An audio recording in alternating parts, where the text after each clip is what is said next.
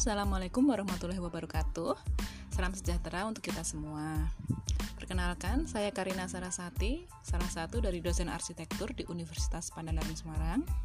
Mungkin banyak yang belum tahu ya Karena saya memang masih baru di sini Masih uh, satu semester dan pada kesempatan kali ini, saya akan menyampaikan deskripsi mata kuliah arsitektur modern yang akan didapatkan oleh mahasiswa arsitektur Universitas Pandanaran Semarang pada semester kelima dengan bobot 2 SKS.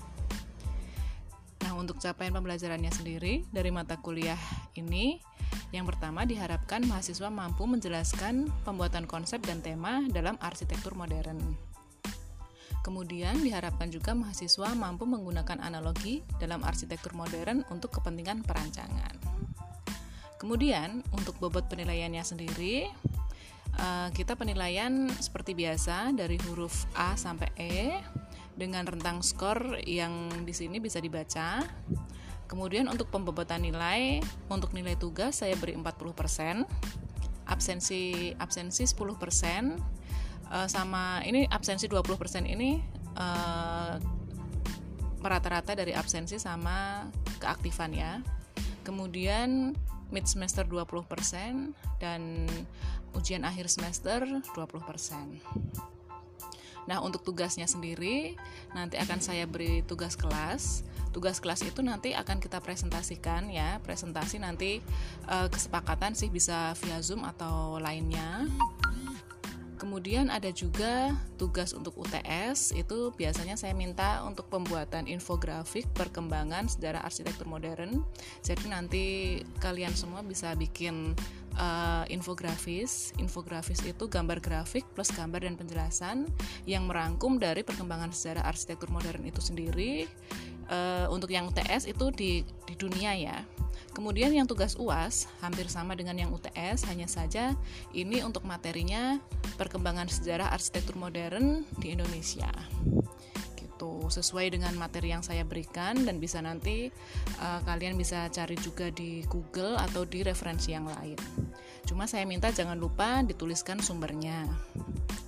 Kemudian materi apa saja yang akan didapatkan oleh mahasiswa dalam mata kuliah arsitektur modern?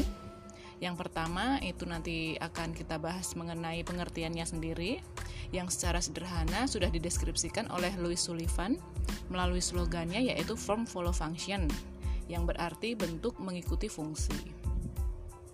Kemudian kita juga akan bahas mengenai sejarah perkembangannya dari abad ke-15 hingga saat ini. Di antaranya ada revolusi industri itu yang mempelopori uh, berkembangnya arsitektur modern ya dan di dalam situ nanti akan kita bahas ada Garden City itu Garden City itu merupakan perencanaan kota yang dikelilingi green belt yang berisi area proporsional dari tempat tinggal, industri, dan pertanian. Kemudian kita juga akan bahas aliran dan gaya-gaya desain dalam arsitektur modern beserta dengan tokoh arsitek dan karyanya. Salah satunya yang paling terkenal adalah Frank Lloyd Wright yang memegang teguh prinsip arsitektur organik sesuai dengan slogannya Form and Function are One. Pasti udah pada tahu ya itu ya karyanya yang The Falling Water itu. Kemudian eh, selanjutnya kita juga akan membahas perkembangan arsitektur modern di Indonesia, di mana akan kita bahas dari arsitektur vernakular, gaya arsitektur kolonial atau arsitektur Hindia Belanda di Indonesia, hingga arsitektur kontemporer Indonesia. Selain itu, kita juga akan bahas mengenai tokoh arsitektur modern di Indonesia dan karyanya. Yang salah satunya itu yang akan kita bahas adalah Frederick Silaban yang merupakan arsitek dari Masjid Istiqlal Jakarta.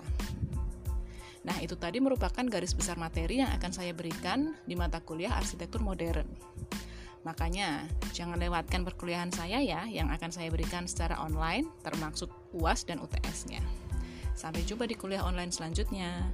Terima kasih. Wassalamualaikum warahmatullahi wabarakatuh.